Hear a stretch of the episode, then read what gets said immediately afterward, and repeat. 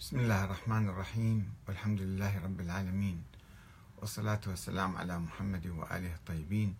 ثم السلام عليكم أيها الأخوة الكرام ورحمة الله وبركاته. المجرب لا يجرب. لقد جربنا النظام البرلماني الفاسد في العراق. فهل نغير هذا النظام قبل تغيير الأشخاص؟ هل ضيعت المرجعية بوصلتها؟ إذا كانت المرجعية جادة في محاربة الفساد فعليها أولا الدعوة لتعديل الدستور من نظام برلماني إلى نظام رئاسي ومكافحة النفوذ الأمريكي وانتقاد مؤسسات المرجعية نفسها وتنظيفها من الفساد الداخلي لا يمكن للمرجعية معالجة الظواهر والأعراض المرضية والبثور دون معالجة الجذور وإلا فإن الفساد يتكرر في كل مرة على أيدي الحكام الجدد الذين سوف ينتخبون في المستقبل. نحتاج إلى مبادرة شجاعة من المرجعية الدينية بزعامة السيد علي السيستاني حفظه الله هذه المرجعية التي دعت لكتابة الدستور عام 2004 وإعادة كتابة الدستور من جديد بحيث يتلافى الأخطاء والثغرات الدستورية التي أضعفت الدولة وسمحت بنمو الفساد. يعني الدعوة لعدم آه، انتخاب المجرب إذا كان فاسدا طبعا ليس كل المجرب هو فاسد بعض المجرب هو جيد. فممكن إعادة المجرب الجيد هذا شعار ليس آية قرآنية ولا حديثا نبويا إنما هو شعار. آه، المجرب يعني عندما واحد يجرب شيء ويجده جيدا فيعيد تجربته مرة أخرى. وعندما يجده سيئا طبعا لا يجربه. شيء معقول يعني طبيعي. ولكن تركيز الكلام على الأشخاص أن هؤلاء جميعا كل من شارك كما يفسره بعض وكلاء طبعا هو السيد السيستاني لم ينطق بهذا الكلام حتى الآن إنما وكلاؤه و آه، المشايخ التابعين لمرجعيته وبعض الخطباء الذين يوجهون الكلام تجاه بعض الأشخاص أو بعض القوائم.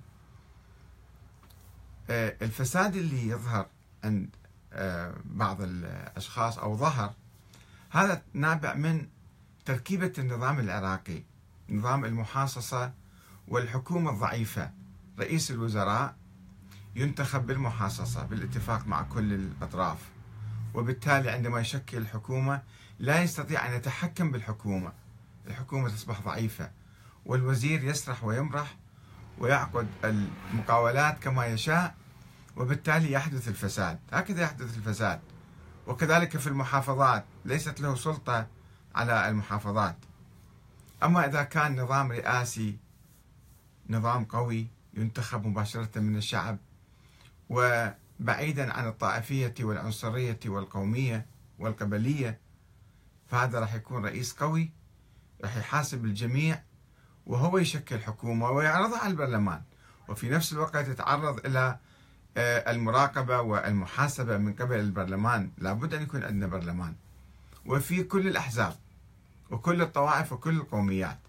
ولكن آه، إذا كان الرئيس قوي سوف يستطيع أن يكافح الفساد ويعاقب المفسدين. فلماذا نتلهى بمعالجة البثور والقشور والأعراض؟ الفساد اللي موجود هو عرضي عن نظام مفكك نظام صاغه الأمريكان. ووافقنا عليه لأنه كان ضرورة ما في ما في شيء أفضل من عنده وما يمكن نترك الأمر إلى الفوضى مثلا.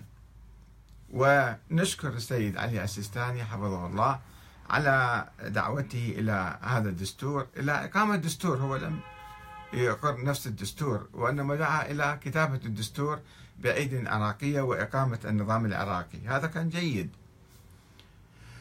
ولكننا كنا على عجل على أي حال كنا تحت ظل الاحتلال الأمريكي أقر هذا الدستور. الآن بعد 15 عاما تقريبا من هذا الدستور اكتشفنا أنه هو دستور فاسد دستور خاطئ به ثغرات كثيرة. فلا بد أن ندعو إلى تغيير الدستور إلى إصلاح الدستور. والمرجعية ولو يعني هي تقول لا أتدخل في الأمور السياسية ولكنها في المفاصل التاريخية تتدخل وتدخلت. فهو الآن أنا أوجه دعوة إلى السيد علي السيستاني إذا كان يسمعني. ما أدري إذا هو كان يعني يتابع الأخبار يتابع الناس الرسائل تصل إليه أو لا. المحيطين به أكيد يسمعون. يوصلون هذه الرسالة. ويعني آه، يقوم بمبادرة جديدة إلى إصلاح هذا الدستور. هذا شيء مهم جدا. إذا كان جادا في مكافحة الفساد وإلا أن ندعو إلى تغيير الأشخاص. الأشخاص كلهم غيرناهم نفترض. وما بقى واحد لا من الحكومة ولا من النواب. ويجون ناس جدد. نفس الحالة. ما سوينا شيء. نفس الحالة. كل الناس راح تقاسمون المناصب والوزارات والكذا وأيضا آه، يفسدون مرة أخرى. النظام هو الذي ينتج الفساد. علينا أن نأتي بنظام جديد لا يسمح بالفساد وهذا يحتاج تغيير دستوري. تغيير النظام من نظام برلماني إلى نظام رئاسي. طبعا أمريكا تخاف من النظام الرئاسي. لا تريد أن يأتي نظام قوي في العراق وينتخب مباشرة من الجماهير العراقية حتى يكون قويا في مقابل كل القوى والدول المحيطة بالعراق. ولا أعرف إذا كان هذا النظام البرلماني كان يعني بتوصية من أمريكا وبقرار منها أو لا. ولكن إحنا جربناه الآن. 15 سنة نظام فاشل. المجرب لا يجرب. النظام الفاشل هو الذي جربناه. يجب أن لا نعيده مرة ثانية. نوجه دعوة إلى جميع النواب الآن المرشحين للانتخابات القادمة أن يضعوا على رأس أولوياتهم وأهدافهم تغيير هذا النظام البرلماني إلى نظام رئاسي. ربما هم عندهم مصالح في هذا النظام. لا يقبلون.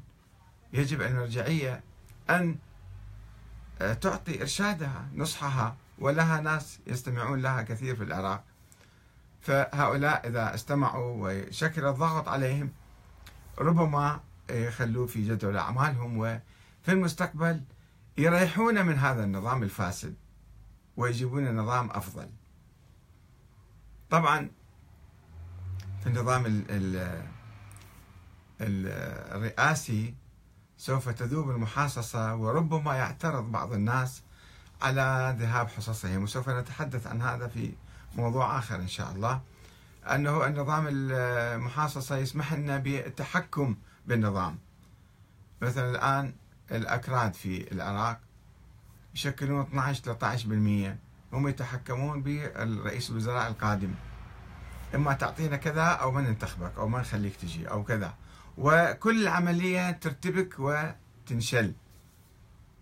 وتعطونا منصب رئيس الجمهورية أو إحنا ما نقبل. يعني في في ضغط على النظام وعلى حتى أكثرية الشعب آه، وبصورة أن الشعب كله يرتهن إلى جهات معدودة إلى أحزاب صغيرة. فلا بد أن نغير هذا النظام. هذا النظام هو الفاسد الذي جربناه وليس الأشخاص لا نتلهى بالحديث عن الأشخاص والقوائم. يجب أن نوجه جهدنا وفكرنا إلى أساس النظام.